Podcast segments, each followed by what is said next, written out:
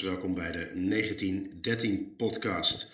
De podcast door en voor PSV-supporters, om verder te bouwen aan ons PSV.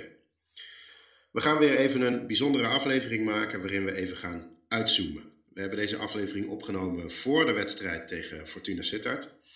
En we willen even ja, met een helikopterview wat breder kijken hoe PSV nou de jump kan maken, de sprong kan wagen om echt de nummer 1 club in Nederland te worden. Hoe kan PSV uh, vast uh, kandidaat voor het kampioenschap zijn, de allersterkste club in Nederland worden en ook in Europa de volgende stap zetten? Eigenlijk gaan we even kijken naar de, de sterktes en zwaktes van, uh, van PSV als organisatie en een aantal punten tegen het licht houden.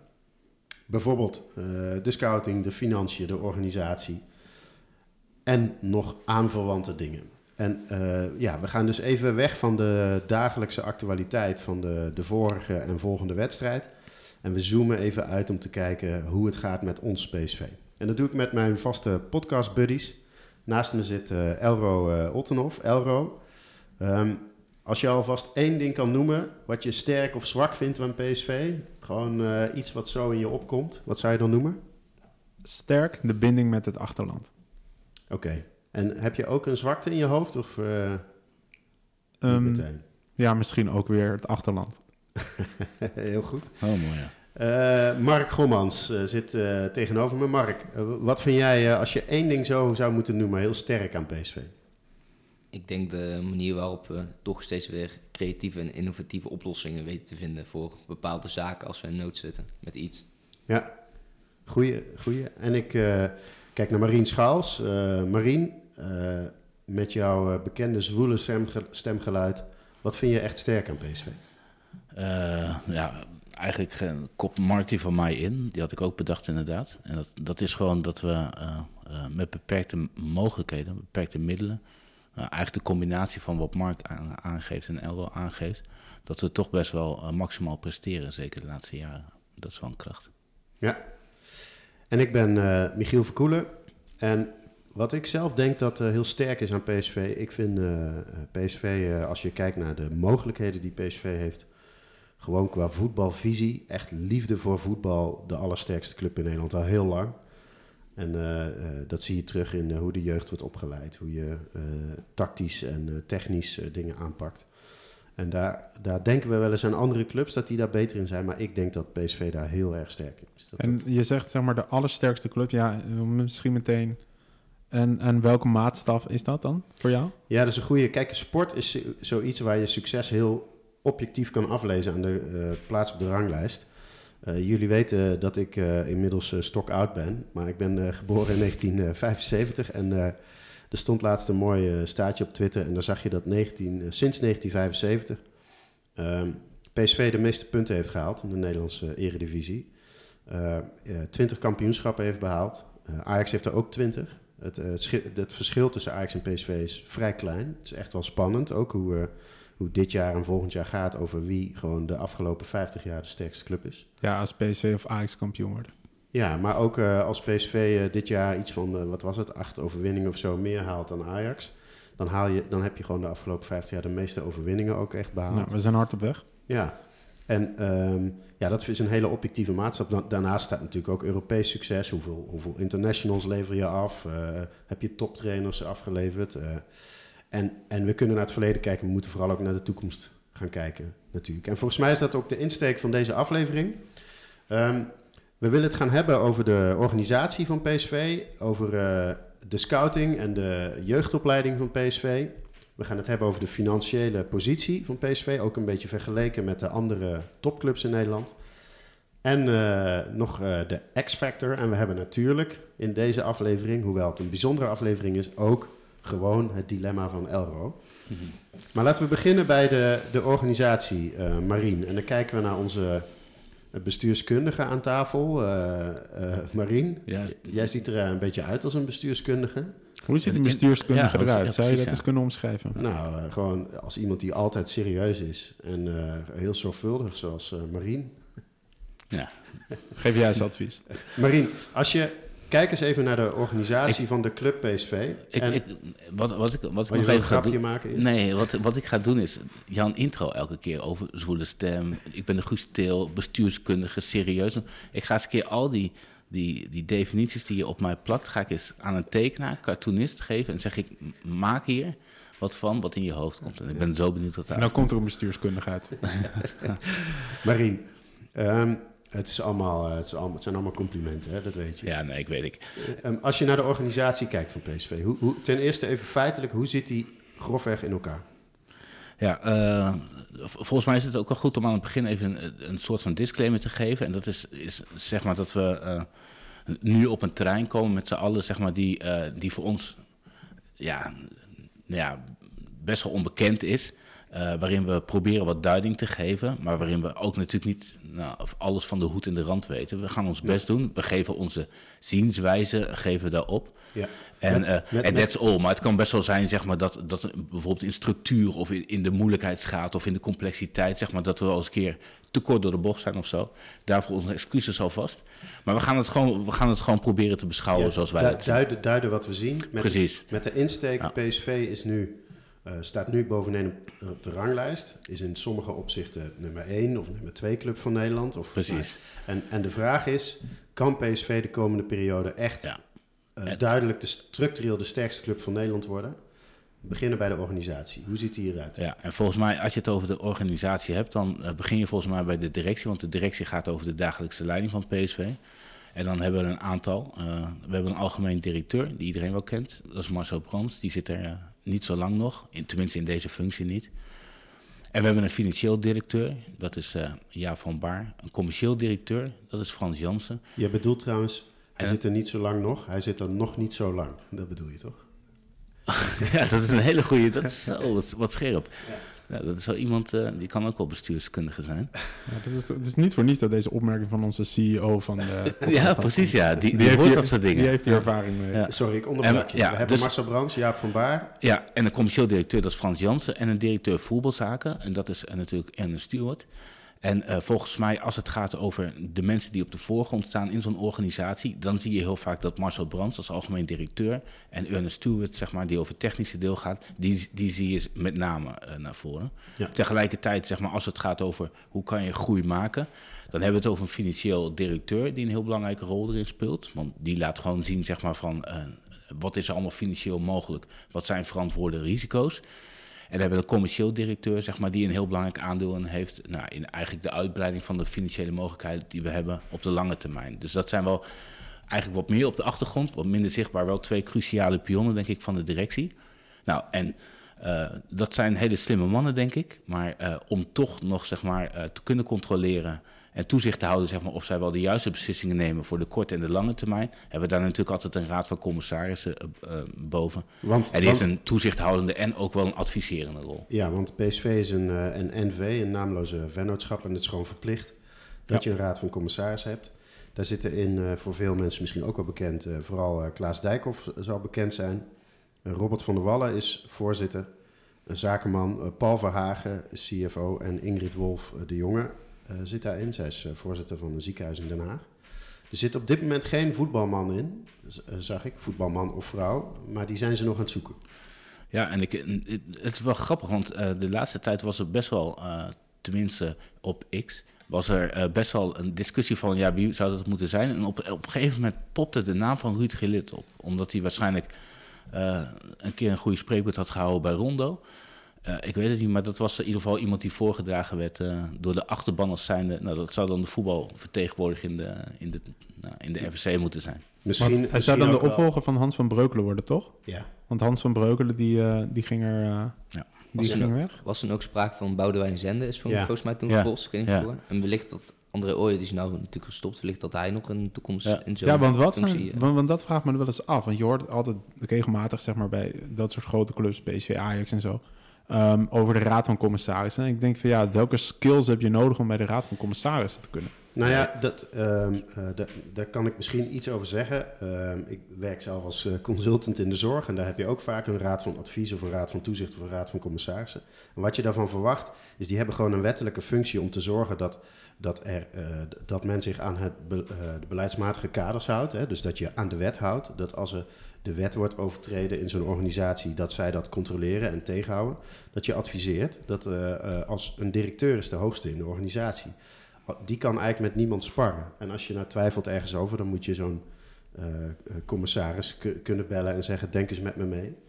Ehm, dus het is eigenlijk het idee dat je gewoon ja, gecontroleerd wordt. Normaal gesproken komt zo'n raad van commissarissen vier, vijf, zes keer per jaar bij elkaar bij een vergadering. En tussendoor heb je dan vaak nog gesprekken individueel. Dus ik kan me voorstellen dat een commissaris die vooral over de, op de financiën let, met de financieel directeur één keer per Ja. maand eh, Een zit. soort van audit of zo. Ja, en misschien ook wel hele grote uitgaven. Dus een enorme transfer in de voetbalclub. Dat Ja. je dat dan zorgt, dat je dat afstemt van tevoren. Dat je weet, oké, je had mij gezegd dat ik dit jaar 30 miljoen mag uitgeven. Ik ga nu 15 miljoen aan Lozano uitgeven. Dat is een oude, oudere speler al, een beetje. Misschien gaan we die niet terug Ja. verdienen, die 15 miljoen. Eh, ik Is dat weet- een verantwoorde investering Ja. eigenlijk? ja, binnen de kaders die jullie me hebben gegeven mag het. Maar ik bel je toch even om te zorgen dat het goed gaat. En, en daarom is denk ik ook een voetbalman of vrouw wel belangrijk. Omdat je daar kan... Ja, je gaat een trainer aanstellen straks, misschien weer eens. Dat is de belangrijkste beslissing die je als leiding neemt misschien wel in een club. Is dit iemand aan wie- die wij ook qua karakter vinden passen bij de club? Ja, en dat, en dat zie je sowieso. Een RVC wordt altijd evenwichtig samengesteld. Dus er wordt wel gekeken naar aandachtsgebieden, expertises. Eh, nou, nu noem je het voetbalinhoud. En zo zal er iemand zijn die, eh, die veel verstand heeft van ondernemen of eh, verstand heeft van financiën. En zo heeft iedereen zijn aandachtsgebied in zo'n RVC. En ze, ze kunnen, ook gebruikt, ook, kunnen ook gebruikt worden om zeg maar, voor meer kennisoverdracht en het versterken van een bepaalde positie. Bijvoorbeeld PSV Ja. Volt eh, werkt heel nauwkeurig samen met bijvoorbeeld Jumbo, met, eh, met, met eten en met health en zo. En eh, PSV heeft natuurlijk met Tom van Veen iemand erin zitten die de Jumbo-topman was in de Raad van Commissarissen. En ook bijvoorbeeld Van der Wallen met brand, brand Loyalty. Die ze hebben volgens mij een rol gespeeld bij, partner, bij de partnerfonds samenstellen. Ja. Eh, dat, in, op dat soort gebieden kan het zeg maar, ook een hele grote rol spelen. Nou, en, en je hebt ook twee eh, leden in de Raad van Commissarissen, Ingrid Wolf en Klaas Dijkhoff, die vooral de publieke sector kennen. Want er wordt vaak in het voetbal gekeken naar bedrijfsmensen die veel geld hebben verdiend of een grote bedrijf hebben geleid. Maar je moet ook denken aan de coronatijd, toen er heel veel eh, overheidssteun kwam of supportersproblemen. Je moet ook zorgen dat je met de overheid, lokaal en landelijk, goed op goede voet blijft staan. En daar heb je dat soort mensen voor nodig die ook weten hoe dat werkt. Eh, ja, en de- hoe je dat afdekt. Ehm, PSV is uiteindelijk een voetbalbedrijf, dus er zijn heel veel eh, elftallen. eh, het, het, het, het mannenelftal, het vrouwenelftal, eh, allerlei jeugdelftallen. Eh, dat is het doel van de organisatie. Maar als je nou kijkt, Marien, ehm, het, is best, het lijkt best wel rustig en duidelijk nu bij PSV. Dat was er een jaar of anderhalf jaar geleden wel wat anders. Ehm, vind je dat we er sterk voor staan? Als je ook, ook vergelijkt met bijvoorbeeld concurrenten in Nederland. eh, Eh, volgens mij, ik, denk dat het in een heel gedegen organisatie staat. Eh, ik weet nog dat wij begonnen met de podcast en toen hebben we best wel ook wel kritiek gehad op het functioneren van Marcel Brands.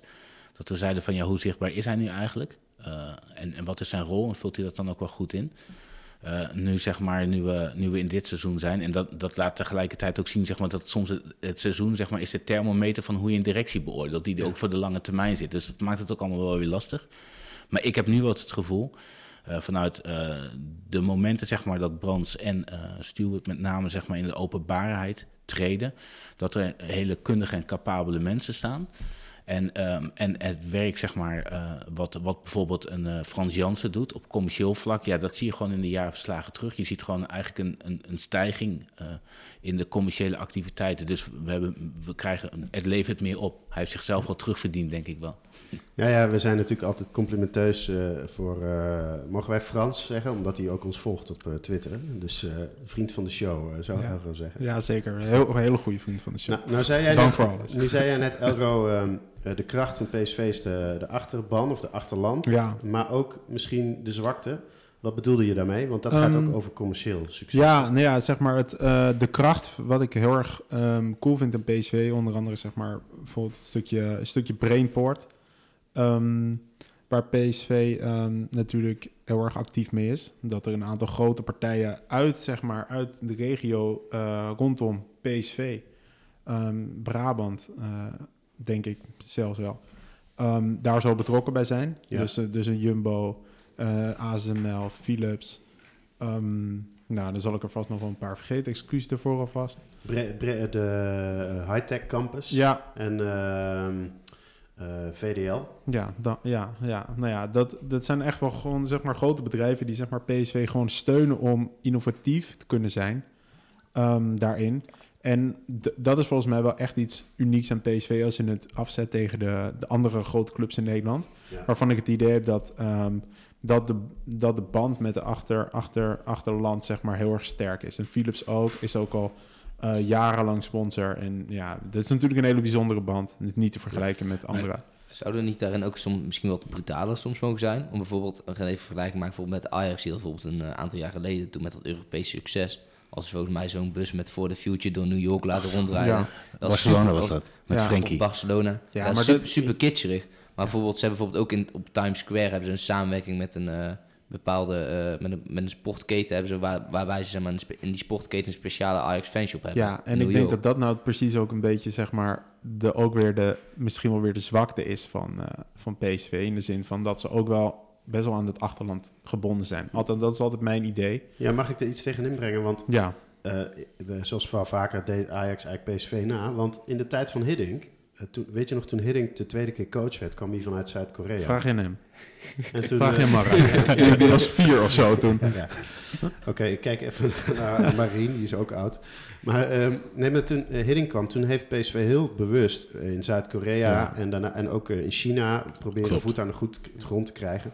En dat is ook redelijk goed. ge- Brazilië, eerder met Romario. Maar het is wel wat anders dan een bus door een stad heen sturen. Ja, Ja, en ja. toch heb ik, toch Ja, heb ik het het idee, als ze dan zeg maar een vliegtuig heeft- met Ajax over laten vliegen, dat dan, ja, dat er dan toch nog extra deuren of zo open Misschien is die bus een beetje een verkeerd, verkeerd voorbeeld. Ik zou dat zelf ook niet per se eh, heel, heel leuk vinden als mijn club. Of ja, ik zou, het, ik zou het zelf ook, ja, gewoon, ik zou het raar vinden als mijn club dat zou doen. Ja, maar, dat is misschien toch ook omdat het juist Ja, PSV ja, is. Ik denk het ook. Maar weet je, ik vind, ik vind het een interessante stelling van Elro, van of het nou een kracht of een zwakte is. Als je kijkt hoe groot Nou, ik denk clubs... dat het beide, zeg maar. Dus enerzijds dat Het kan je in de weg kracht kan zitten. zijn. Ja. Ja.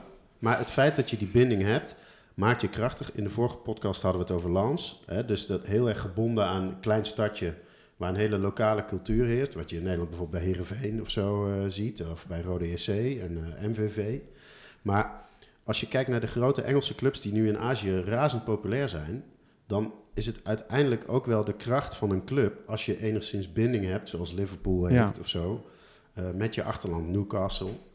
Eh, want dan, ook al komt er een andere eigenaar, wat bij PSV niet zo snel zou gebeuren, maar dan eh, toch behoud je die Maar- eh, kracht. Maar dat stukje Maar- binding heb je natuurlijk wel. Maar het draait, het draait natuurlijk ergens nu ook misschien wel een beetje om, zeg maar, gewoon geld, zeg maar. Of dat je meer inkomsten krijgt, omdat je daarmee Ja. verder gaat. Maar als voorbeeld, zeg maar, ik moet altijd uitleggen. En ik woon, eh, nou ja, zoals jullie misschien horen, ik woon niet in Eindhoven. Heemstede. Ik woon in Heemstede, vlakbij Amsterdam. haven.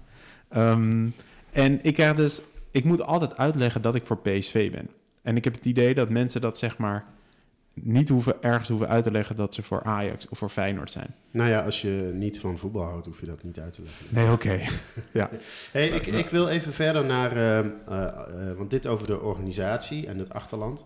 Maar laten we het wat meer over het voetbal gaan hebben. Marien, of, of wil jij hier nog iets Nou aan ja, toevoegen? ik, eh, wat, iets wat ertussenin zit, en dat staan dan geen bussen. Ik weet nog dat eh, Mark in een van de podcasts eh, eh, verwees zeg maar, naar een, aan, een, een wijze zeg maar, waarop je, eh, moet ik het goed zeggen hoor, de- maar in ieder geval de, de cognitieve vaardigheden van voetballers eh, mee. gebruikte, zeg maar. En, en, en, en da- daarbij uitlas zeg maar, hoe je dat op voetbal gerelateerd ge- gebied verder kon Dat was helpen. met ASML volgens mij een samenwerking van. Maar dat is bijvoorbeeld iets zeg maar, wat, wat wel typisch hangt zeg maar, aan PSV in het achterland, zeg maar, wat ze hebben. Eh, Innovativiteit. ja, en ik vond het wel leuk, want ik werd eh, gewezen op een filmpje van eh Sorama. Dat, dat, dat is een bedrijf wat een high-tech bedrijf uit Eindhoven is. En dat is gespecialiseerd in het visualiseren van, van geluid. Ook het interpreteren van geluid en het functioneel toepasbaar maken van het geluid. En wat zij deden, was in dat filmpje, was eh, het geluid in het stadion monitoren. Dus dan kon je bijvoorbeeld letterlijk zien, en daar hadden ze dan, eh, dat, dat liet ze dan zien op het moment dat PV scoorde, zeg maar wat er dan gebeurde in het stadion. Dus dan zag je zeg maar het aantal decibellen in één keer omhoog vliegen rood en bijvoorbeeld dan, dan een uitvak in één keer stilvallen en zo. En, en dat is natuurlijk grappig. Zij zeiden ook heel, eh, heel schattig. Zeiden van ja, dat kunnen we gebruiken. Zeg maar een soort van competitie in zo'n stadion tussen vakken onderling. Nou, daar heb ik helemaal niks mee. Maar wat relevanter is, is dat ze zeiden van. Je kan het dus ook gebruiken voor veiligheid en beveiliging. Dus op het moment, je zag best wel bijna op, nou, het is niet stoelniveau, maar wel echt gewoon gecentreerd van waar het dan is. Op het moment dat je dus ongebruikelijke geluiden hebt, zoals agressie, spreekkoren, vuurwerk, dat soort dingen, zeg maar, kan je met zo'n technologie kan je heel goed ingrijpen. Zeg maar, wat gebeurt daar en waar, waar gebeurt dat? En dat, als het dan, dan gaat het in één keer over veiligheid in het stadion.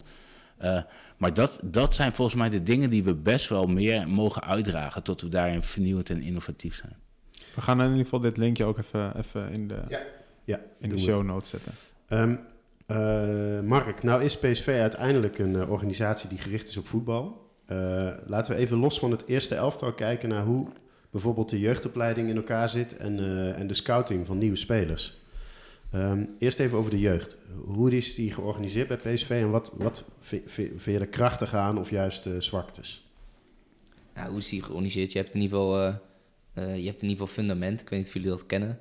Dat, eh, het is eigenlijk een beetje dat bij eh, dat PSV zeg maar, kennis uitdraagt aan, eh, aan lokale clubs zeg maar, uit de regio. En dat dan kinderen zeg maar, van jonge leeftijd, volgens mij is het tot eh 11, 12 jaar zoiets. Dat zij in ieder geval gewoon bij hun club blijven spelen. En dat zij daar in ieder geval met trainers die door PSV opgeleid zijn en met die kennis zeg maar, opgeleid worden. Daarna via, via dat fundamentsysteem komen ze ook dus in de radar bij PSV terecht en komen ze uiteindelijk bij PSV terecht. Eh, Vind je dat, eh, als je kijkt naar die jeugdopleiding, hè, die dus, jij zegt, eh, daar halen ze de spelers uit de ja, regionale omgeving vandaan. PSV haalt tegenwoordig ook veel uit België. Ja, Bel- België en eh, je zit natuurlijk volgens mij zijn er, zijn volgens mij regels tot, wa- tot waar maximaal je mag scouten, zeg maar. Er zijn, Ja, ja geen geval- officiële regels, ja. maar een herenakkoord. er, er zijn, er, zitten, er zijn, er zijn volgens mij wel regels of restricties aan. En bijvoorbeeld, bijvoorbeeld jeugdspace, PSV haalt best wel veel jeugdspace uit België bijvoorbeeld. Terwijl bijvoorbeeld Ajax, bijvoorbeeld, die halen vrijwel geen jeugdspace uit België. Die zitten echt met een regio daar centraal in Noord-Holland. Ja. En wat PSV natuurlijk een beetje de pech heeft, is dat Brabant is zeg maar qua bevolking niet heel dicht begroeid. Dus heb je, min, heb je minder mensen zitten. Nou ja, ze hadden vroeger volgens mij een samenwerkingsverband met Sparta. En volgens mij heeft nu Ajax dat. En eh, PSV haalde vroeger, eh, weet je nog, met Jetro Willems en Memphis Depay, ja. eh, veel Rotterdammers. Nou, dan kom je op een oudere leeftijd terecht. En dat is natuurlijk iets wat PSV wel la laatste jaar heeft gedaan.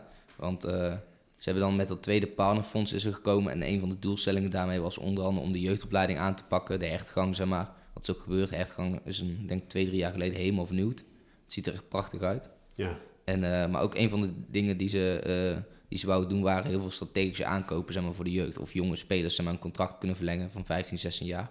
Misschien het meest voor de hand liggende voorbeeld is een Tigo Land. Ja. Zeg maar, maar er zijn echt veel meer spelers. Bijvoorbeeld afgelopen zomer hebben ze... Ze hebben denk ik van Feyenoord hebben ze al vier, vijf spelers gehaald. ja. Het zijn dan, vaak, eh, zijn dan wel vaak eh, bepaalde casussen. Dat moet erbij gezegd worden. Maar bijvoorbeeld een jongen, voor- bijvoorbeeld Ayodele Thomas. Ayodele Thomas, die is eh, afgelopen zomer gehaald. Dat is een jeugd international. En die had wat problemen bij Feyenoord. En die is uiteindelijk komt daar nu bij PSV. speelt hij in de onder 17. Je hebt eh Etienne Bessie, die is vorig jaar gehaald. Bessie? een- Ja, van de Graafschap. Oh, gelukkig. Dat is uh, Etienne Bessie heet hij. Dat is ook een jongen die, eh, hoe heet het, dat is ook een jeugd international, speelt nu bij de onder 17. Eh, we hebben het over die, No- wel, we hebben het de vorige keer al gehad over die Noah Fernandes, die is genoemd. Dat is ook zo'n voorbeeld van. Ja. Er zijn best wel veel, PSV doet op dat vlak zijn ze best wel actief, halen ze best veel jonge Nou ja, vol- volgens mij is dat sowieso wel een kenmerk dat PSV eh, karakters die elders als moeilijk worden gezien, zoals ze ook ooit eh, Steven Bergwijn hebben eh, op jonge leeftijd wegging bij. Ajax en toen bij PSV werd opgenomen. Ja, Memphis ook Was, was in de jeugd een moeilijke jongen. Ja, en, en dat PSV eh, eh, ja, als een soort, eh, toch een warm bad, nou ja, eh, met wisselend succes, zeg maar. ja, die, is, niet- die is niet heel sterk voor dit pleidooi. nou, nou, maar wel, nou ja, wel vanuit jeugdopzicht wel. Hè. Dus je hebt hem gebracht tot aan de top van de eredivisie. En Dat is da- waar, da- daarna ja. is het misgegaan. Maar, Ja. maar eh, nou ja, en datzelfde geldt voor Labiat en Bakali en zo. Als je kijkt vanuit de jeugd heb je gewoon heel veel karakters die misschien bij andere plekken niet zo goed lan- eh, aarden, toch groot gemaakt. En wat natuurlijk ook meespeelt, is als je die jongens relatief jong haalt, dan kan je ze zelf, zeg maar 16 jaar, 15, 16 jaar zo, dan kan je ze zelf ook nog best wel kneden. Zeg maar. Ja. Dan kan je ze zelf, want meestal in die laatste stap in die ontwikkeling richting, het, richting echt het profvoetbal, die zet je in 17, 18 jaar, en je, ja, rond die leeftijd. Nou, en dan kan je ze nog best wel, zeg maar, daar, daarin kan je ze als club dan echt helpen. En een van de dingen waar PSV in ieder geval het laatste jaar mee bezig is geweest, wel echt een duidelijke visie, eh, een, ja, een duidelijke eenzijdige visie implementeren. Dus onder andere met Ernst Faber is dat gebeurd.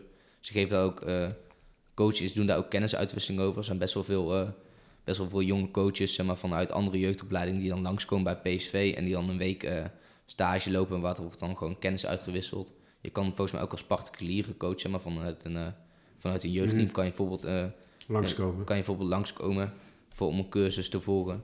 Nou, nou, nou hebben we het erover of PSV de stap kan maken naar echt structureel de grootste eh, club worden in Nederland. Of in ieder geval de sterkste club. Ehm, vergelijk de jeugdopleiding van PSV eens met de andere topclubs. Je zou kunnen zeggen top 3, Ajax, Feyenoord, PSV. Maar je kan ook zeggen AZ en Twente misschien nog erbij. Is- K- hoe, hoe zou je dat überhaupt vergelijken? Dat, Kijk je nog dat, gewoon... dat is bijna niet te vergelijken. Maar wat uiteindelijk het, la- het, het lastige is zeg maar, met jeugdopleidingen, is je hebt altijd met lichtingen te maken. Dus je kan bijvoorbeeld nooit controleren wie wanneer doorkomt. En je zit ook een beetje natuurlijk met... eh, je kan ook niet per se controleren hoeveel talent iemand heeft. Nou, je kan Ja, wel... wat, wat is... eh, wat, als Wat je, wel, je- ja, je kan wel het basisniveau omhoog krijgen. Nou ja, en je ziet je- dat Feyenoord heeft vol- volgens mij een grote fout gemaakt door niet een, jong elftal. Hè, dat wordt vaak gezegd. Zij hebben toen die keuze gemaakt om niet een jong elftal in de eerste divisie te doen. En dat breekt ze op. Of tenminste, daar hebben ze Ja, last goed, eh, dat klopt, maar dat is ook lastig vergelijk. Maar volgens mij kan je heel, heel simpel toch kijken, en dat, dat is dan ook wel beleid van je club, maar gewoon, eh, waarvoor heb je een jeugdopleiding? Dat, dat is zeg maar tot je, dat, dat is een soort van cashcow eigenlijk wel voor je, voor je betaald voetbalorganisatie. En eh, daarmee wil je succes halen. Dat is, ook, dat is ook iets. En volgens mij gaat het dan over hoeveel spelers levert een jeugdopleiding af zeg maar, aan het eerste van PSV en wat dragen ze bij aan het succes. Ja. Nou, dat, het beste voorbeeld van zo'n tijdsperiode is natuurlijk onder Cocu geweest. En volgens mij gaat het erover wat, wat, wat levert het uiteindelijk netto zeg maar, op in verkopen. En, en dat Nou, nou, nou reken je alleen in geld, maar je ziet volgens mij in de topclubs in Nederland in de toptijden dat vaak de beste toen Ajax heel sterk was in de Champions League, dan wordt vaak gezegd eh, Blind en Tadic zijn gehaald, maar Blind is natuurlijk een eigen jeugdproduct. Frenkie de Jong was dat toen, eh, Matthijs de Ligt. Feyenoord vorig jaar, uh, Geertruida waren echt, echt de sterkhouders en daaromheen Hansko en nu eh Jiménez. Het is wel een interessant bruggetje. Want als je kijkt naar de beste spelers van PSV over de laatste jaren. Zeg maar, dan, of in ieder geval de meest. Zeg maar, dan kom je bijvoorbeeld bij een, eh, Gakpo. bij een Gakpo uit. Bij een Malen. Bij een Bergwijn. Bij een Depay. Ja. Zeg maar, je komt er allemaal bij, jeugd, bij je jeugdspelers uit. Ja. Uiteindelijk als je structureel succes wil halen. Zeg maar, komen ze straks nog terug op een stukje financiën. Het is enerzijds belangrijk om je, zeg maar, je afschrijving te kunnen drukken. Om zeg maar, gewoon eh, zorgen kunnen, om ervoor te kunnen zorgen dat je een goede financiële positie krijgt. En gezonde cijfers kan draaien met je Ja. netto verkopen. Maar ook, eh, het is ook gewoon een stukje kwaliteit. Je kan niet alle posities zelf invullen met, Nee. aan- met, eh, ja, met raken aankopen. nee. En als jij vanuit je jeugdopleiding echt goede talenten kan door laten stromen, dan is dat wel fijn. Nou heb jij een paar keer al gezegd dat er een paar eh, mooie talenten aankomen. Als je daarna, want, nou dan nog een keer, doe, doe nog een poging om die vraag te stellen. Kijk, AZ heeft vorig jaar de Youth League gewonnen. Hè? Ehm, eh, die worden geroemd de laatste tijd om een jeugdopleiding. Louis Vergaal zei volgens mij ook, die hebben nu de sterkste jeugdopleiding. Eh, Feyenoord heeft dus recent, nou, het meeste spelers, en eh, Hartman is net gedebuteerd in Nederlands ook een jeugdproduct daar. Ehm, eh, als je kijkt wie er nu net gedebuteerd zijn, bijvoorbeeld bij ons Bakayoko, Babadi, ehm, en wie er aan gaan komen. En vergelijk dat eens met de andere clubs. Denk jij dan dat PSV er sterk voor staat? Ja, kijk, de positie van PSV is, lo- loopt gewoon veel interessant, eh, lo- zo, loopt gewoon heel veel interessant talent rond bij PSV. En de voorwaarden zijn ook gecreëerd om zeg maar, structureel met je jeugdopleiding interessant talenten te kunnen produceren. Maar dat hebben alle andere clubs ook. Het is niet per se, het is, ja, sowieso, ik denk niet dat het een heel interessante vraag is om te kijken wie heeft een betere jeugdopleiding. Ik Hmm. denk dat je uiteindelijk. nou, Ze hebben allemaal een hele ik, ik sterke denk dat je uiteindelijk, ja, je moet gewoon een sterke jeugdopleiding hebben. Dat is het ding. En dat Dan- is inmiddels wel gelukt. Dan gaan we even naar de scouting. Nee, maar, dan nog één, zijstapje. Want ik, eh, soms word ik ook wel een beetje moe van het AZ-frame, zeg maar. Inderdaad, goede jeugdopleiding, we worden er om geroemd en zo. En toch, het lukt ze niet om de structurele stap, zeg maar... Nu hebben we het over, kunnen wij als PSV zijn een, stap verder zetten... Ik heb het idee dat AZ altijd blijft waar ze niet blijven. En ja, leuk, goed, verstandig beleid. En dat vinden we fantastisch en vinden we schattig. Eh, maar daar blijft het dan ook bij. Ja, en dat, dat ik ben het met je eens. En dat komt denk ik ook door het financieel beleid. Daar gaan we het zo over hebben. Eh, maar ook misschien wel omdat hun jeugdproducten die doorkomen... eh, zijn wel hele goede voetballers, maar niet van het niveau Gakpo die echt... Maar Gakpo is gewoon Het een heeft toch ook gewoon met, met het niveau te maken waar je eerste elftal op speelt. Ik heb wel ja, eens zeg maar een metafoor, speelt echt mee. metafoor gehoord van Bayern München. Waarom, waarom is het bij Bayern München zo moeilijk om door te, door te breken? Stel, je hebt zeg maar, dat vond ik een heel mooi metafoor. Je hebt een flatgebouw en ehm, het eerste elftal is zeg maar level 11 van Bayern München. En de jeugdelftal is bijvoorbeeld level 7. Nou, dus zeg maar, je het is heel moeilijk om die stap te maken van level Mhm. 7 naar level 11 of naar 13. Ja. En stel dat PSV bijvoorbeeld op 10 zou zitten, ja, dan kan je dus makkelijker van bijvoorbeeld de Bayern München jeugd overstappen naar bijvoorbeeld een eerste van PSV. Ja, en bij AZ is zeg maar ligt waarschijnlijk dat dat eerste elftal op een lager niveau en misschien dat de jeugdopleiding net zo goed is, waardoor Precies, je wel ja. eerder al in dat eerste die- komt. En bij PSV, kunnen. als dat eerste, zeg maar, hoe beter dat eerste elftal is, Ja, hoe lastiger het het is is om- ook om, om die stap te maken. Ja, maar volgens mij is het, de, ik vind het een hele mooie metafoor, maar dat gaat ervan uit dat er een objectieve realiteit is. En volgens mij is het ook een houding. Dus wat Ajax in het verleden heel goed deed, was dat zij gewoon het aandurfde met een speler Ja. eerder ook. En bij PSV in de tijd dat Afellay en Aysati doorkwamen bijvoorbeeld, had PSV al een hele goede jeugd. Maar ze waren nog iets beschermender. Ze zeiden nog, ja, je moet nog een jaartje rijpen. En dan deze bij, bij Ajax, eh, weet je nog, toen Gravenberg debuteerde onder Ten Hag. Ja, allemaal hartstikke eh, jong. Veel te jong, ja. Spelen heel... het, het, zegt, eh, het zegt wel wat inderdaad over de kwaliteit van je, van je eerste elftal. Want kijk nu naar, kijk naar Ten Hag, halve finale Champions League met Ajax. En dan nu een uh, Sylvana Vos die eh, debuteert.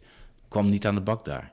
Maar op het huidige middenveld Ja, kan je toch wel proberen, weet je wel. Ja, en dat zegt, ja. Dat dat zegt meer, over, ja. meer over de kwaliteit van, eh, van het huidige Ajax. Oké, laten we even naar de scouting gaan. Want PSV stond vroeger bekend om, eh, of een tijd lang, om het goede scouten in Zuid-Amerika en eh, Midden-Amerika. Ehm, eh, hoe zie jij nu de scouting van PSV, eh, Mark? En waar vind je de kracht en de zwakte zitten? Nou, ik ben volgens mij wel jij. Eerst jou, laten we de vraag even teruggooien naar jou. Want volgens mij had jij een punt wat jij wou maken. Nou, kijk, ik vind, als je kijkt naar PSV, eh, hoe zij landelijk, landelijk zit je in de top 2 de afgelopen 50 jaar, ik al. Hè? En als je dit jaar en volgend jaar in de Champions League komt, kan je echt wel een tijdje lang misschien wel de nummer 1 worden, maar je in de top 2 bestendigen. Maar Europees staat PSV nu 40ste, volgens mij, op de je- clubranking. Ja, zei je, ja. Ja. Ehm, en de clubs die om PSV staan, ik heb het opgeschreven, een aantal clubs die nu in- in de regio van PSV zitten. Lazio Roma, Dynamo Zagreb, Sporting Lissabon, Salzburg, Sociedad. Dat zijn allemaal clubs die een beetje volgens de ranking ongeveer dezelfde kracht zijn. Net daarboven zitten dan Feyenoord, Frankfurt, Atalanta, Porto, Roma. Volgens mij, om in de top 30 of richting de 25 te komen, zijn, moet je dat soort clubs als referentiekader nemen. Ik vind het niet onmogelijk dat PSV daar die jump maakt, alleen als je super innovatief bent. En een club die dat nu super goed doet, is bijvoorbeeld eh, Brighton. Eh, Brighton en Hove Albion in Engeland. Waarom? Omdat die een superieure scouting hebben. Die zien dingen die andere clubs niet zien, die durven dingen. Ehm, en daarvan vraag ik me af bij PSV, volgens mij is de scouting in de jeugd heel goed. Hè? Dus dat je een Bakayoko uit, eh, uit Brussel haalt en zo. En een Saibari. Maar haal je ook de 19 of 20-jarige eerste elftal speler uh, vanuit uh, Uruguay of Paraguay of, uh, of Moldavië wat mij betreft. Kvaratskhelia, zeg maar.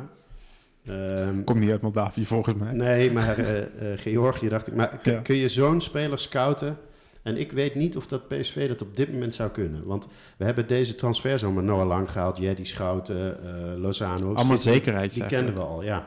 En, en, en dat vind ik dat, dat, ik gun PSV dat ze daar nog iets beter in worden. Dat je een Ecuadoriaan haalt van 18. Ja, dat is altijd zo mooi. We Zoals hebben die er vorige keer ook Mendes, al over gehad. Mendes, hè? ja. ja, ik denk dat dat dus ook tegenwoordig wel erg lastig is. In de zin van dat, um, dat zo'n Premier League... Want waar je misschien voorheen van minder Premier League uh, clubs concurrentie had... heb je ze gewoon nu van allemaal. Ja. Um, gewoon, want ik denk dat het ook Nou, valt en staat met, met, met budget, toch? Met, met, met Salaris. Ja, Misschien wel. salaris. Nou ja, maar misschien wel. Maar, maar, maar bijvoorbeeld een Savio vorig jaar. Die is Ja. dan gescout door de Citigroup en zo ook. Maar, ja. die, maar je kunt nog wel laten Ja, die, zien... die, stond gewoon te- die familie stond gewoon te huilen dat hij bij PSV kon voetballen. En die doet het nu hartstikke goed. Hebben eigenlijk geen kans gehad. Maar huilen van vreugde of van verdriet? Ja, van, van, van- Hij wil, in- die toen- wilde toen hij zo graag. Die wilde zo graag. Nee, maar dus, Ja. maar dus kun je, als je die uitstraling hebt die, als warme Ja. club waar de jeugd de Dus kans die heeft, moet je echt gebruiken. wel- ja. ja. Maar er Mark, zit, er, nou zit wel even, er zit wel even wat tussen. Want eh, wat, wat, heel lastig, wat heel lastig voor ons te vangen is, is dat je, je hebt een scouting. En een scouting doet, doet zijn werk, waarschijnlijk, daar gaan we vanuit.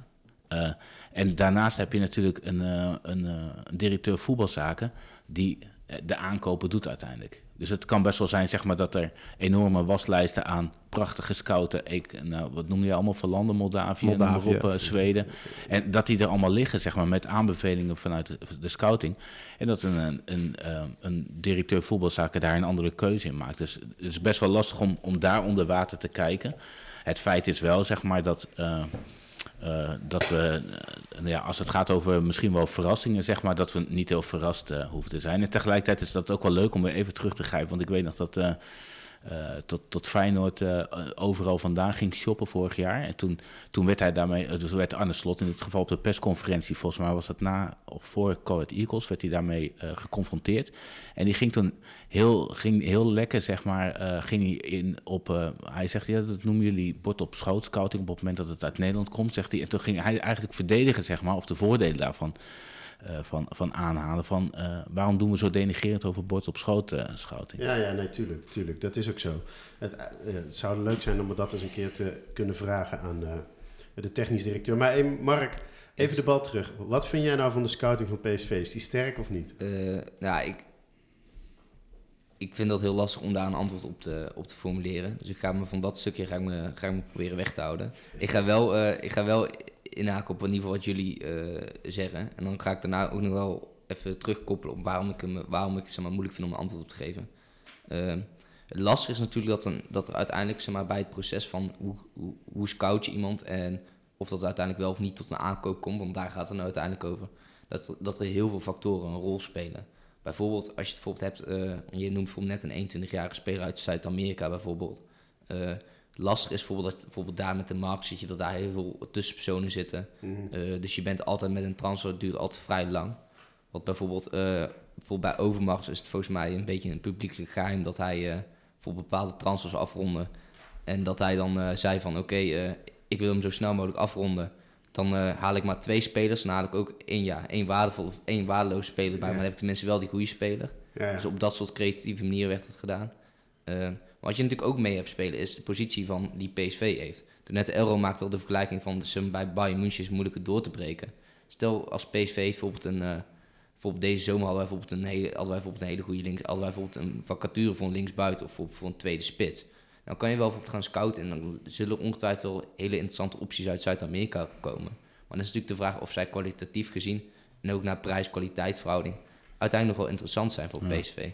Uiteindelijk liggen er zoveel opties en dan kom je uiteindelijk ook bij, het, bij datgene wat jij zegt, Marien. Als, dir- als directeur voetbalzaken zijn, als technisch directeur, moet je tussen al die opties een keuze maken. En dan kom je uiteindelijk bij, het, bij een proces uit waarbij je waarschijnlijk ontzettend veel scout, want vrijwel alle spelers zijn bekend.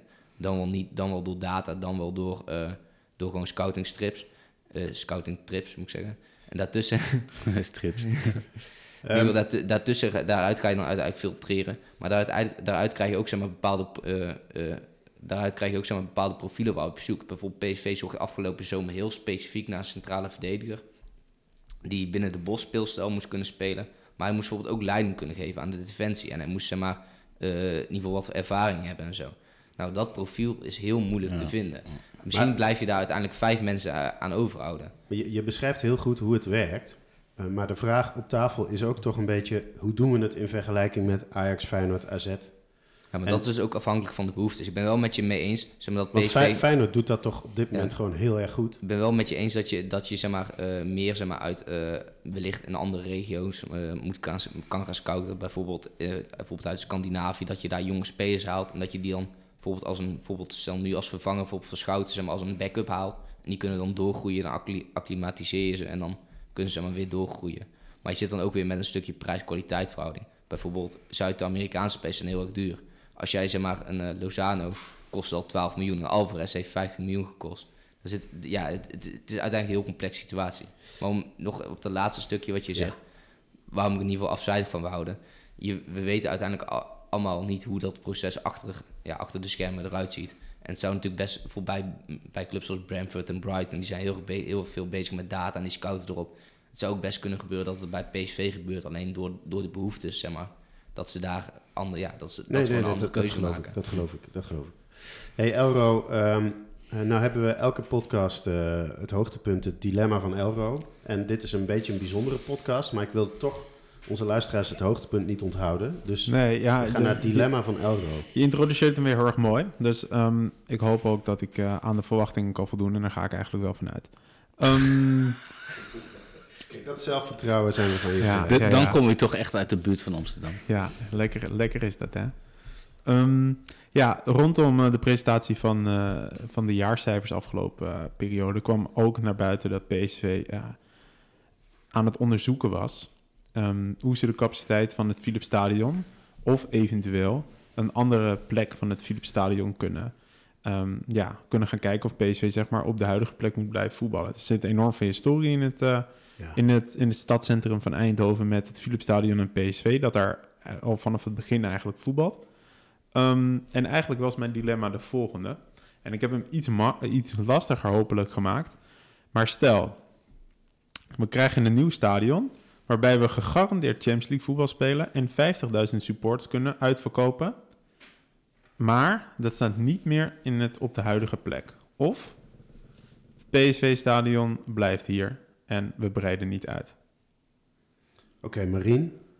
Een groter, commercieel succesvol nieuw stadion op een andere plek? Ja of nee? Oei.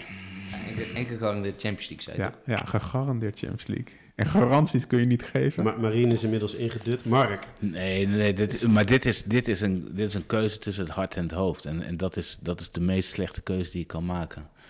Eh, Mark.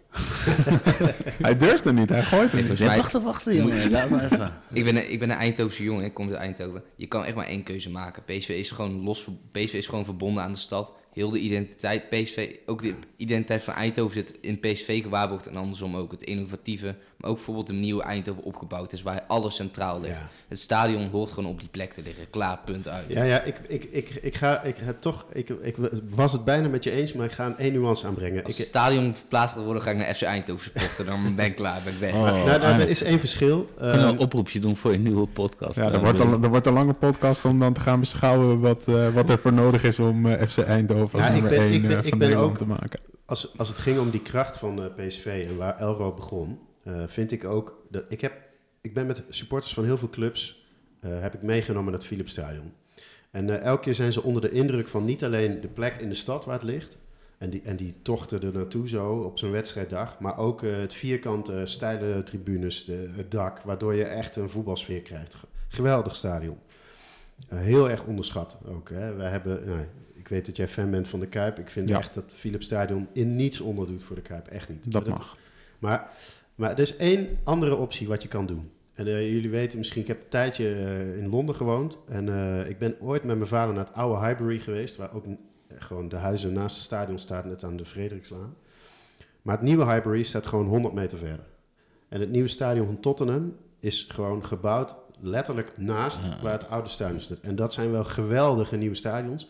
Eigenlijk op dezelfde plek. Als dat zou kunnen, maar dat kan, ja, dan, dan, moet, je mij is die, daar de ruimte dan, niet dan voor. moet je die parkeerplaats die je ooit verkocht hebt weer terugkopen, die flat eh, slopen en dan daar of zo. Of, of ze moeten de weg eh, op dat kruispunt of zo. Je bedoelt dat de gemeente ons gaat betalen om hun parkeerplaats weg te slopen, zodat de gemeente gaat betalen om een nieuw stadion te bouwen? dan zou, kunnen, eh, dan ja. zou ik het mee eens zijn, maar anders ben ik het met je eens. Je Innovatie is het woord van de podcast, en, ik- toch? weet je, ik geloof helemaal niet dat, eh, dat je om succesvol te zijn 50.000 eh, plaatsen moet hebben. Als je op deze plek twee tribunes kan vergroten. Je kan naar 40 groeien of 45.000 plaatsen. Ja, maar daar ga je het stadion niet voor plat gooien, wat je voorstelt. Nee, maar, dat, maar ik denk dat je structureel Champions League kan spelen met een stadion van 40.000 mensen.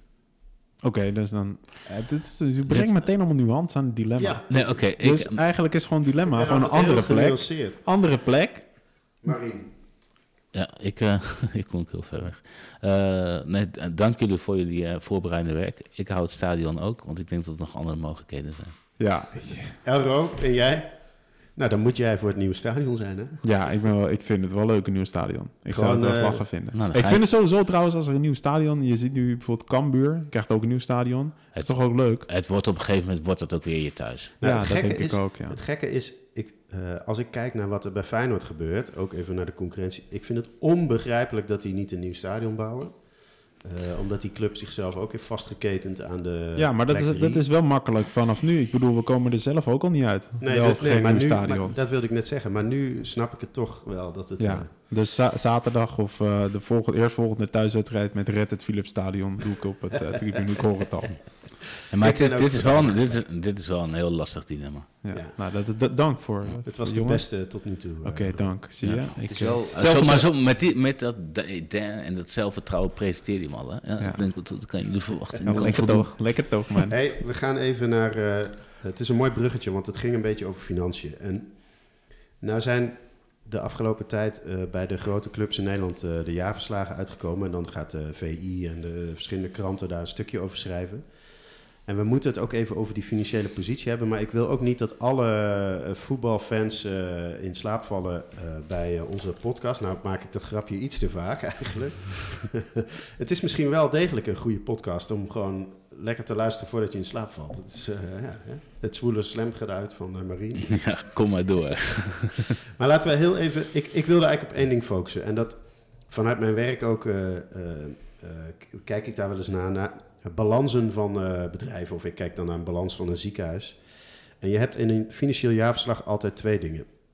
Je hebt de winst- en verliesrekening, eh, hoeveel er inkomt en eh, uitgaat. En je hebt de balans. En op een balans eh, staan... eh, ik, ik wilde dat hele korte lesje toch even geven... waardoor mensen een beetje een idee hebben... hoe je nou de kracht van, financiële kracht van een organisatie kan bekijken. Eh, een balans is een momentopname. Die geldt alleen op 1 juli eh, van het jaar... of op 31 december of eh 31 juni...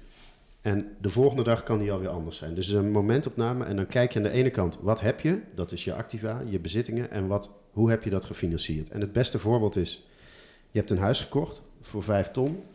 Ehm, dat is je activa, dat is je bezit.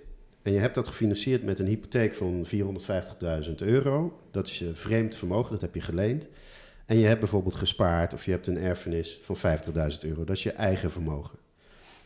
Ehm, eh, dat is je passiva. Dus een balans is altijd in balans. Toch even goed om te weten. Dus als er aan de linkerkant bij de activa 500.000 euro staat, staat er altijd aan de rechterkant ook 500.000 euro. En dan gaat het erom hoe heb je het gefinancierd. En daarvan is het eigen vermogen het belangrijkste onderdeel. En die kun je van de clubs gaan vergelijken. Want een eigen vermogen maakt dat je of in een visueuze cirkel komt of in een virtueuze cirkel. Als je een hoog eigen vermogen hebt, kun je heel goedkoop lenen.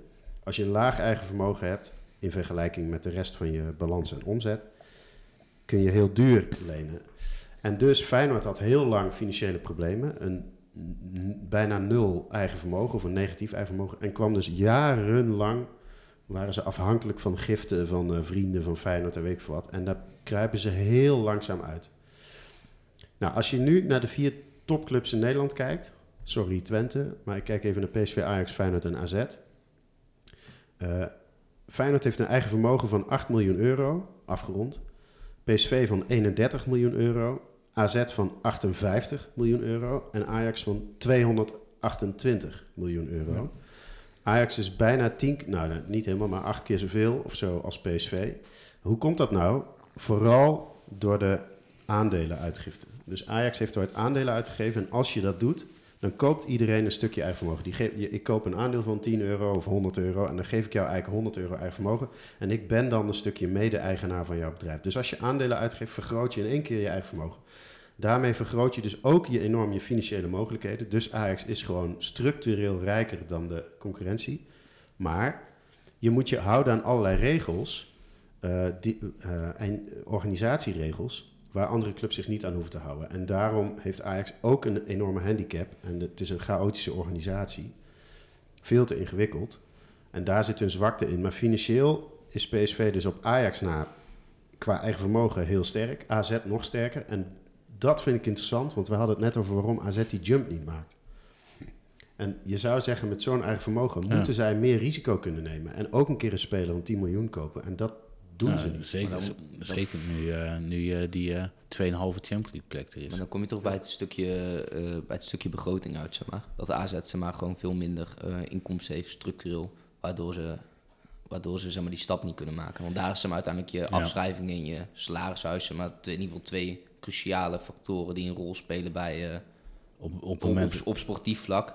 Zeg maar, omdat dat in zekere zin eh, die moeten in zekere zin de waarde en eh, de kwaliteit op het veld waarborgen. Zeg maar, daarin kunnen ze dan niet die jump maken. Ja, dat lijkt me toch niet dat je daar al te veel risico in kunt nemen. Want stel dat je opeens inderdaad wel die speler van 10 miljoen gaat kopen, afschrijving omhoog, salaris omhoog. Nou ja, Ik bedoel, maar ben dat je toch zou- gewoon Dan, binnen een jaar... snel in op je eigen vermogen. Dan ben je Nou, toch met een beetje risico binnen een jaar of 10 failliet. Nou, dat hoeft niet, want eh, eh, de- eh, nog e- dan sluit ik mijn eh, college af. Maar als je winst maakt als bedrijf, dan is dat dus altijd een bijdrage op je eigen vermogen. Dus als ik 5 miljoen winst maak, is mijn eigen vermogen met 5 miljoen gestegen. Ja.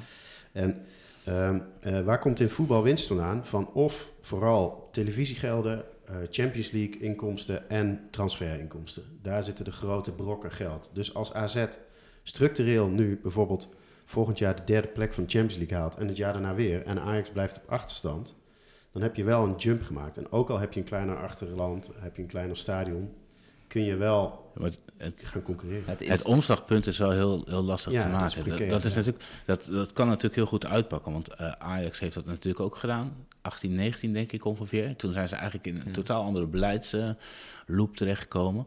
En toen zijn ze risico's gaan nemen.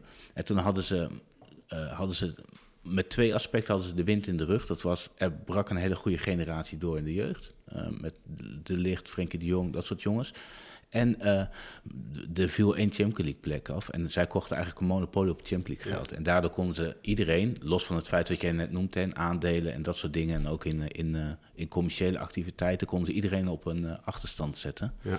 En, en, die, en, en die stap is voor AZ natuurlijk nog wel een heel spannend om te Nou, maken. het gekke is, je kunt, mijn perspectief is niet dat Ajax toen meer risico heeft genomen. Eh, volgens mij was het daarvoor, namen Nederlandse clubs te weinig risico. Toen, dat denk dat ik was ook. de tijd dat wij achter Portugal en Frankrijk stonden, terwijl financieel hoefde dat helemaal niet. Maar Ajax P- heeft zo'n sterke positie. Maar PSV heeft natuurlijk dat eh, destijds ook geprobeerd. Maar PSV is natuurlijk niet zo goed uitgepakt. En als je kijkt naar de afgelopen jaren, de jaarverslagen, PSV heeft in 2019, 2020 35 miljoen geïnvesteerd.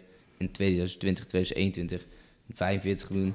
Eh, dat is al bij elkaar gezet voor eh 80 miljoen, zeg maar. Uiteindelijk komt, daarna komt nog meer. Heet, het, eh, voor eh 2021, 2022 is 25 miljoen. Af vorig jaar is ook weer 26 miljoen. Dus PSV ook best, in ieder geval in die periode destijds, heeft PSV ook best wel flink Risico's genomen. ja, best wel flink risico's genomen. Wat uiteindelijk, om daarmee nog een stukje verder eh, aan te koppelen, wat uiteindelijk het, natuurlijk het vooral het interessante is, want er is natuurlijk best wel veel over afschrijvingen gegaan de laatste periode. Met onder andere mensen zoals Arno Vermeulen die zich dan meer gaan bemoeien op tv. Nou, daar worden we allemaal een beetje moe van, maar in ieder geval. Natuurlijk best wel, want natuurlijk uiteindelijk om draait is maar, dat de verhouding van afschrijvingen en kosten enerzijds in balans zijn met wat, hetgeen, ja, wat je selectie waarborgt sportief gezien. Dus hoe goed is je selectie? En ook hoeveel kwaliteit, eh, hoeveel kapitaal waarborgt het? Maar de- daar, zit, daar zitten wel twee maars aan. Eh, dat is, want eh, uiteindelijk pakken een aantal transfers denk ik heel slecht uit. Dat, dat heeft in de weg gezeten. Het tweede is, eh, dan, dan, dan gingen ze... Uiteindelijk zeg maar, hadden ze een, een begroting die paste eh, niet bij de Champions League helemaal... en ook niet helemaal bij de Europa League. Ja. Dus eigenlijk was hij te groot voor de Europa League... en net te klein voor de Champions League. En dat was dan de bal op de lat. Maar dat, ja, Maar- dat klopt. Maar dat is nou nog steeds. Maar dat is wel interessant zeg maar, om, om, om door te koppelen. En volgens Maar- mij is het een interessante vraagstuk waar we het hebben over doorgroeien naar succes. Aankomende zomer ligt er een hele grote kans voor nivellering met Ajax. Financieel gezien. Want PSV is zeg maar, qua begroting is het de kleinste van de drie topclubs. In ieder geval AZ heeft niet meegerekend. Ja, nee, Feyenoord heeft ons bijgehaald en, of net op sommige Ja, punten zitten, ingehaald, zitten al wat hoger. En bij Ja. Feyenoord gaat natuurlijk de groei ook... Maar Feyenoord heeft wel nog de, de zwakte van dat eh, het stadion daar echt aan nou, vernieuwing toe is. En zij veel minder eh, eh, binnenkrijgen aan transfersommen.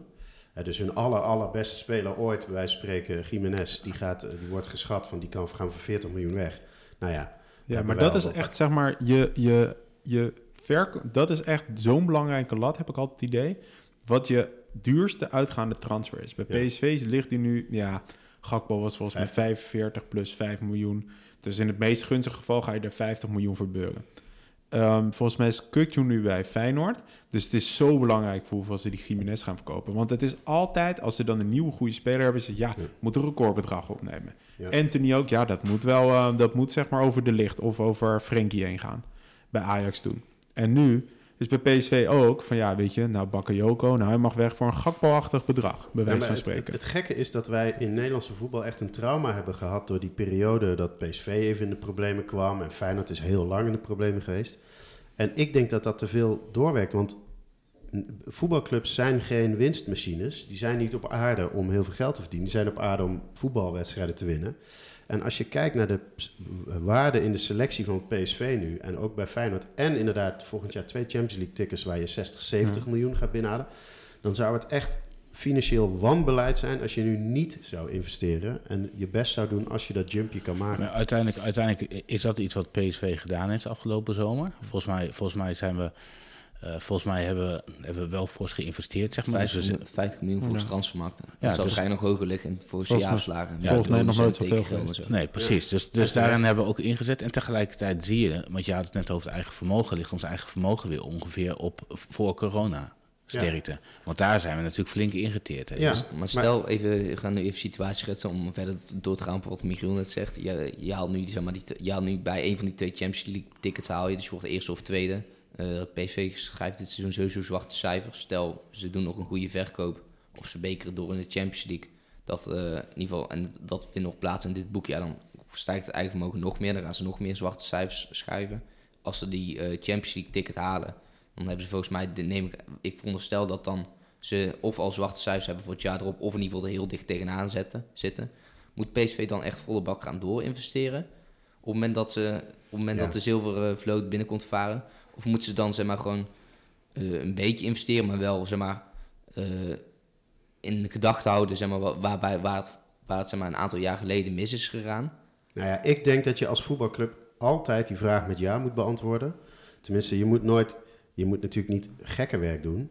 Maar als je, er is geen reden om behoudend te zijn om het behoudend zijn. Het is geen bank, het is geen financiële instelling. Het is geen ver- verzekeraar die gewoon stabiliteit over lange termijn moet nastreven. Nee, het doel is voetballend succes. En dan moet je dus niet over de kop gaan. Maar als je ziet eh, in de huidige selectie Noah Lang, eh Bakayoko, eh Jerdy Schouten, Joey Veerman, misschien Boscali, vertegenwoordigen een enorme enorme waarde. Jij hebt al een paar keer een aantal talenten genoemd. Ehm, plus het feit dat je Champions League kan halen. Ja, ik denk dat je daar vol voor moet gaan. Het wordt dat, super dat denk ik ook. Maar er zit wel een afweging tussen De van... vraag is hoe ver moet je, hoe, Precies. hoe ver moet je Wat heb je nodig? En dat moet je volgens mij best wel geleidelijk doen. Je moet best wel goed gaan nadenken hoe ga je dat geld. eh, want het is best wel lekker op het moment dat je je eigen vermogen zo georganiseerd hebt. dat je eigenlijk op een gegeven moment geen verplichte verkoop hoeft te doen. Wat nu eigenlijk nog, altijd nog is. Hè. Ja, dat is je iets- moet er gewoon één, is- één grote verkoop Ja, maar er zijn toch maar vijf clubs in de wereld die dat niet hoeven. Ja, maar dat is iets wat Gerbrands toen ooit wel zei. Die zei van, we moeten ons eigen vermogen moet, zeg maar, eh, echt eh, moet, eh, moet stevig zitten. En we willen in ieder geval een potje creëren, zeg maar, van, eh, met, met, met een x-bedrag. Volgens mij ging dat toen om 30, 40 miljoen. Ik zou niet eens weten of dat, Volgens mij, volgens mij zoiets. Ja. of dat realistisch is om zeg maar, zo liquide te kunnen zijn als club. En dat het gewoon, maar in ieder geval dat ze in ieder geval dat geld op ergens hebben liggen. En dat ze dat gewoon vrij kunnen ingeven, kunnen besteden als zij zeg maar, iemand willen halen en iemand interessant vinden. Of nee kunnen zeggen. Nou kijk, toch nog weer even naar met wie we concurreren. Eh, dat is in Nederland met Ajax en Feyenoord en AZ. En, in, en buiten Nederland met Dynamo Zagreb, Sporting, Porto, Atalanta Bergamo, eh, Frankfurt, uh, Sociedad. Oh, dat, Dat zijn die soort clubs die om PSV. Ja, op die lijst, en, als je, en volgens mij kun je, als je dus van nummer 40 nu op de Europese rangst naar nummer 20 wil, bij wijze van spreken, moet je vooral uitblinken in scouting, in jeugd. In eh, misschien wel je commerciële beleid, dat soort dingen. En de voorwaarden zijn daarvoor bij PSV allemaal heel goed. Maar we zien ook allemaal wel, net de, de volgende zomer moet er weer een Noah Lang komen, wij spreken. Ja, en het is toch ook gewoon belangrijk wat het salarisplafond is. Volgens mij werkt PSV, Ja. of althans, ja, volgens mij is dat inmiddels ook al, Dat is al dat is ook al ja. achterhaald. Hè. Nou, eh, Eh, Maar ze hebben wel een salarisplafond, maar hij, hij ligt niet meer op eh, wat er toen ooit gecommuniceerd is. nee, nee, nee. Dat is ook zo'n typisch Nederlandse discussie, alsof dat een, een nastrevenswaardig iets is. Om, eh, Nou ja, goed, je, wat wel zo is, is een beetje op het moment dat je salarishuishouding groot is, dat, dat gaat in je operationele, operationele resultaat natuurlijk eruit. Dat is net zoals je afschrijft, dan gaat eruit. Op het moment dat dat heel groot is, zeg maar, ja, dan, dan, dan kan het van je aflopen. dus ik, ik, het is interessant om te kijken van, ja, wat zijn de voorwaarden zeg maar, om structureel succes te hebben. En volgens mij zijn dat commerciële activiteiten, zijn dat exploitatiekenmerken die je kan benutten van je stadion, want die is van onszelf. Eh, heb je het over eh, goede voorwaarden rondom eh, jeugdopleiding? Nou, volgens mij, volgens mij hebben we allemaal geconcludeerd, er komt steeds meer aan. En de, de, de, de uitstroomkwaliteit gaat ook omhoog. Dus volgens mij gaan we daar op termijn echt wel de vruchten van plukken. En dat doen we eigenlijk al. Hè? Eh, dat is, en, en dan heb je er nog eentje, en dat is, eh, nou ja, daar hebben we ook al over gehad, slim scouten. Op het moment dat je aan, aan, op, een, op een groep moment spelers binnenhoudt, Eh, of ze nou jong zijn, of dat ze talentvol zijn en nog niet ontdekt, ja, dan... Ik heet de luisteraars nogmaals welkom bij de financiële podcast eh 1913 euro. Maar we gaan eh, terug naar het voetbal en dan ga ik even voor naar Elro kijken. Want Oh ja, dat we is, hadden ook eh, nog één categorie waarin we onszelf vergelijken met de concurrentie of met onszelf. Hoe goed zijn we? En dat was de, de X-factor, de X-factor. Ja, dus wat heeft PSV eigenlijk? Wat Ajax en Feyenoord en AZ niet hebben? Nou, Elro. Dat was mijn vraag. Nou, ik denk dat, en dat is misschien wel heel mooi. Ik denk namelijk dat een sterk Ajax en Feyenoord PSV ook sterker maken. Omdat PSV daarin eh, innovatiever en creatiever moet zijn. En ehm, ik denk dat de club daarin in al die jaren wel eh, in uitblinkt. In het stukje creativiteit op de transfermarkt. Ja. Maar ook zeg maar, ehm, nou ja, het stukje financiële constructies. Nou ja, wat dat betreft misschien niet altijd even fraai. Maar ehm, ja, dat, dat heeft ook wel volgens mij het fundament gelegd onder PSV. En eh, ja, het stu- stukje risico dat men durft te nemen. Eh, dat, en ook, dat en ook de X-factor. ja, nou ja, ik denk het wel, ja. Dus een stukje risico, creativiteit en inno- innovatie. En dan zijn er natuurlijk nog een aantal dingen ehm, die volgens mij ook gewoon die cultuur hebben eh, gecreëerd. Ik bedoel, de her, je hebt de hertgang, er wordt altijd geroemd. Eh, een stukje warmte van de club. De, het achterland dat, dat heel erg nauw betrokken bij PSV is. En dat spelers ook graag terugkeren altijd bij PSV. En ja, en voor, volgens mij is dat ook wel ten opzichte van Ajax en Feyenoord. Ehm, dat stukje warmte, dat, ja, ja, dat, dat PSV volgens mij wel uniek maakt. Ja. Mark, eh, Marien, hebben jullie nog eh, een, een, een X-factor ontdekt? Ja, je hebt natuurlijk ook nog, ja, ik weet niet of je het een X-factor kan doen, maar je hebt nog altijd wel de factor toeval of geluk, zeg maar. En vanuit dat, vanuit, om even terug, terug te refereren zeg maar, naar die dominante periode van Ajax. Ajax heeft toen natuurlijk ook uiteindelijk deels geluk gehad dat zij dat hebben kunnen blijven behouden, dat PSV een aantal verkeerde keuzes heeft gemaakt. En anderzijds hebben PSV en Feyenoord, denk ik, dit seizoen geluk, dat Ajax gewoon deze zomer en de zomer daarvoor een aantal hele foute keuzes heeft gemaakt. Waardoor, ze eigenlijk, waardoor PSV en Feyenoord bijna te achterhalen zijn. Het was natuurlijk, als zeg maar, de situatie nou was geweest dat, eh, dat PSV, Ajax en, en Feyenoord een hele sterke top 3 zeg maar, in dit seizoen zouden vormen, dan eh, zou de situatie natuurlijk heel anders geweest zijn. Want uiteindelijk draait het om wat we al zeiden, financieel met nivellering met Ajax. En die tweede, een van die twee Champions League tickets behalen is gewoon cruciaal. Nou ja, kijk, ja, ik- dat speelt ook een rol. Ja. Marien? Eh, ja, volgens, volgens mij uh, er is al heel veel genoemd. En volgens mij ook de invulling van je posities. En dat is dan geen geluk. Uh, dat gaat dus echt over goed inregelen. En dan, dan hebben we het, we hebben het net over Te Kloeze gehad en over Slot. Nou, die hebben laten zien hoe je dus heel snel een kentering in gang kan zetten. En we hebben nog een, een hoofdstad, zeg maar, waarin ze ook laten zien hoe, hoe hard dat van je af kan gaan. En daarom vind ik het niet zo'n geluk. Het is ook echt... Precies. Dat bij is Ajax gewoon, is het, geen is gewoon slecht beleid. Nou, het, het is En wel zo. Het, het is wel zo. Wat, wat bijvoorbeeld bij Ajax is gebeurd, waar net over hadden, zeg maar, is dat ze beleidsmatig goed hebben uitgebouwd, zeg maar, wat, wat anderen eh, nagelaten hebben. En eh, nu staan wij misschien wel aan de vooravond daarvan. Maar je ziet zeg maar eh, nu, en het is nog voor de korte termijn, wat Stuart en Bost bewerkstelligen ten opzichte van eh, nou, misschien wel afgelopen seizoenen. Ja, da- da- daar zit meer een visie in, meer muziek in, er zit meer een lijn in. En dat laat wel zien zeg maar, dat we op koers kunnen liggen om een stap omhoog te Ja, je, zetten. je, moet zelf, je moet zelf de goede keuzes maken en je moet dan in dat geval is het wel geluk. Want je hebt zeg maar de keuze van anderen heb je niet in de Nee, dat klopt. Dus Voor- als- voor- vanuit ja, PSV beschouwd is het geluk dat Ajax ja. wanbeleid voert. En als dat, als dat zeg maar toevallig gebeurt, ja, dan kom je dus in een unieke situatie terecht. Nee, maar en, dan, en dan kan je zeg maar misschien die nummer één worden als zeg maar toch als hoofdvraag van Ja. de podcast. Van ja, wat is er nodig voor PSV om nummer één te worden? Nou ja, ik, heb, ik, ik, wil, eh, ik wilde daar antwoord op geven. Oh, en ja, nog heel even terug op jouw eh, X-factor. Want ik vond het heel mooi hoe je dat beschreef, die innovativiteit. Heb in een van onze eerste podcasts ook wel eens gezegd van... ik associeer PSV ook met de gebalde vuist van de underdog. We zullen ze een poepie laten reiken. Ehm, eh, eh, wat ik mooi vind aan PSV is dat die cultuur en die achterban die er echt is... eh, die zit in de hertgang, in het stadion, in de stad, in de... dat die ook niet als een beklemmend dogma wordt gezien. Wat je vaak bij Feyenoord hebben ze heel lang gedacht... wij moeten een volksclub zijn die bij wijze van spreken vechtvoetbal speelt...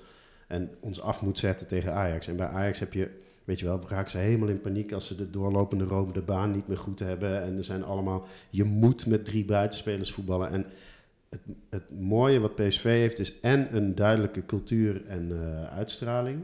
zonder dat het een beklemmend dogma is. En dat is, dat is geweldig. Ehm, en dan of je die sprong kan maken... ja, ik vind het super spannend. Alle voorwaarden zijn er. Volgens mij zijn we best wel positief hier allemaal aan tafel. Eh, wat ik op korte termijn super cool vind, is te kijken hoe het tweeluik met, met Lance bijvoorbeeld gaat lopen. Als, je, als je daar goed doorkomt en je wordt derde of tweede in de groep, ja, dan maak je dit jaar al een enorme sprong. Stel je overwint het in de Champions League. En volgende zomer wordt heel belangrijk wie, wie, worden je nieuwe, wie wordt je nieuwe Noah Lang en Jerry Schouten, je top aankopen. En op de iets langere termijn, ik hoop dat Peter Bos nog twee of drie jaar blijft. Maar wie wordt de volgende coach? PSV heeft veel coaches opgeleid de laatste tijd. Soms heel goed als assistent.